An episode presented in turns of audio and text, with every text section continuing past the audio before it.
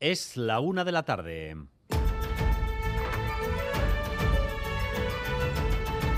Crónica de Euskadi con Dani Álvarez.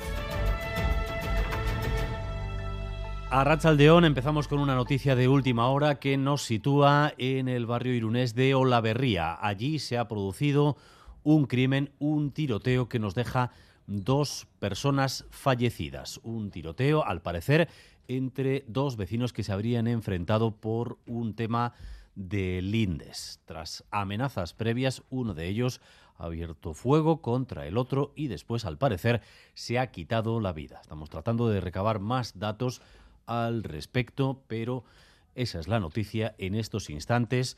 Dos personas fallecidas tras un tiroteo en el barrio de Olaverría, en Irún.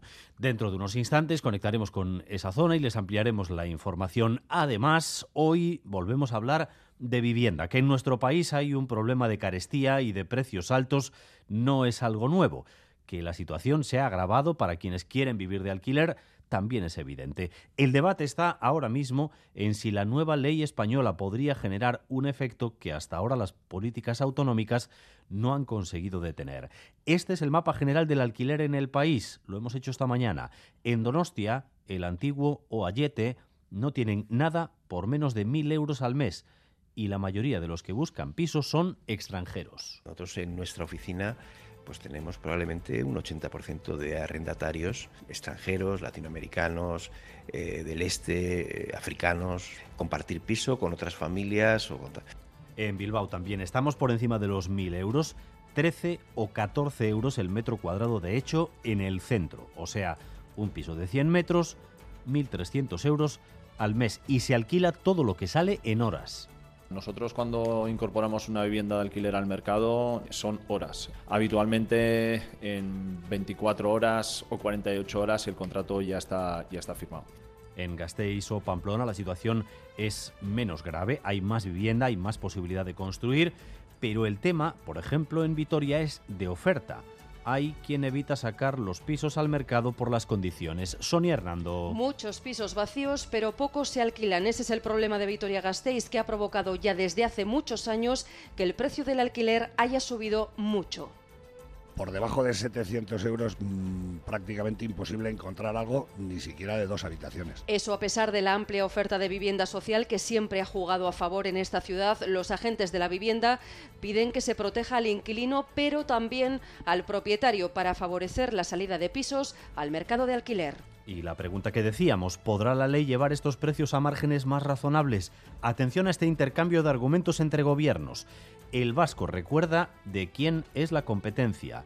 El de España, que eso no importa, que no importan las competencias, sino que se solucione el problema. Bingen Zupiría, Isabel Rodríguez. En Euskadi, el gobierno de España no edifica ni construye casas. Las casas las hace el gobierno vasco. Esta comunidad, durante 40 años, no ha parado de edificar vivienda pública y de impulsar políticas públicas de vivienda. Y no ha habido un marco estatal superior para ordenar estas políticas de vivienda. Ahora, a la ciudadanía le importa bien poco ¿Dónde está escrito de quién es la competencia? Lo que quiere es que le resuelvan su problema. Y eso es lo que vamos a conseguir con esta ley y con el objetivo que se ha, que se ha planteado el presidente del Gobierno. Alcanzar en los próximos años, tardaremos en hacerlo, unos niveles de vivienda pública en España como los mejores del entorno europeo.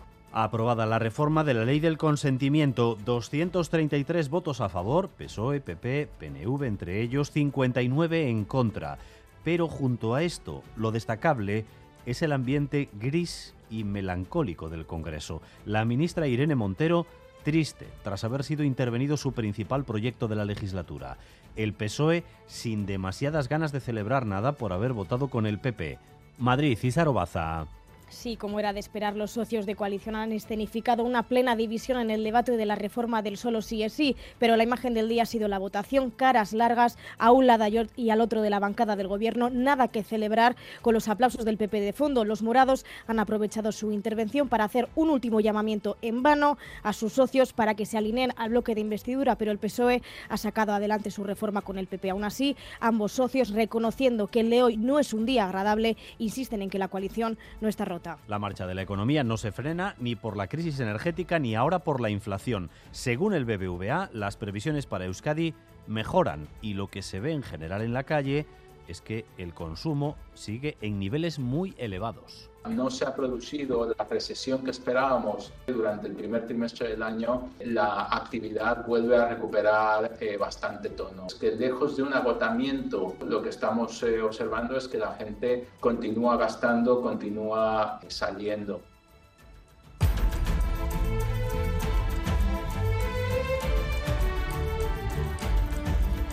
Varapalo quizás definitivo a las ansias de libertad de la familia Ibar. Pablo Ibar ha visto confirmada su sentencia a cadena perpetua en Florida. Aichiber Bilbao. Sí, la sala además no ha entrado siquiera a argumentar por qué desestiman los argumentos de la defensa, pedían la revocación de la cadena perpetua y un nuevo juicio. Solicitarán ahora una nueva vista para exigir esta argumentación y si no prospera presentarán un nuevo recurso ante el Tribunal Supremo de Florida. Y lo último será la Justicia Federal y el Tribunal Supremo de los Estados Unidos. El clima continúa cambiando a un ritmo sin retorno y es precisamente Europa el continente donde más se eleva la temperatura.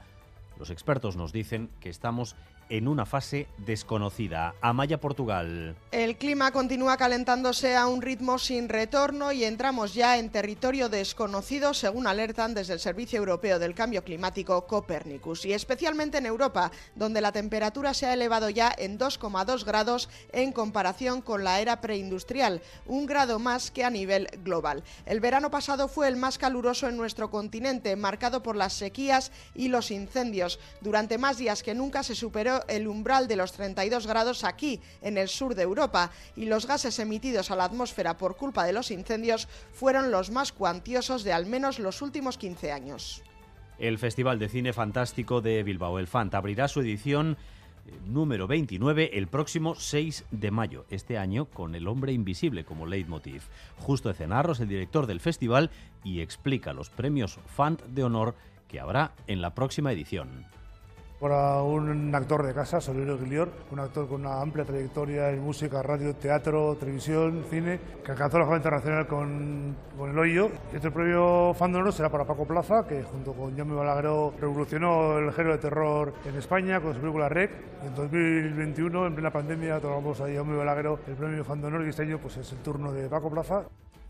Vamos también con lo más destacado del deporte con Álvaro Fernández Cadierno. Arrachaldeón. Arrachaldeón con citas de calado. Por ejemplo, está prevista la despedida del Athletic de Miquel Valenciaga. Nos ha citado los medios a las 2 menos cuarto en la sala de prensa de San Mamés. Lo Guernica afronta esta tarde la ida de los cuartos de final de la Liga ante el Zaragoza. Será en Maloste a las 8. Se ha presentado la Ichulia femenina y Carlota Ciganda, la golfista navarra, va a disputar desde las 4 en Estados Unidos el primer mayor de la temporada. En carreteras, atención en estos momentos en Irún, sentido Bilbao, en la AP8, donde las obras de la carretera de esta semana están generando otra vez problemas para circular. El Departamento de Seguridad informa de retenciones, otra vez, de varios kilómetros en ese punto. AP8, Irún, sentido Bilbao.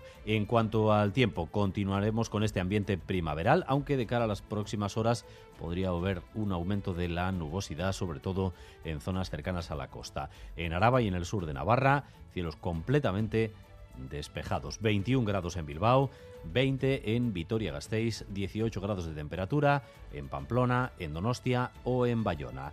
Gracias un día más por elegir Radio Euskadi y Radio Vitoria para informarse.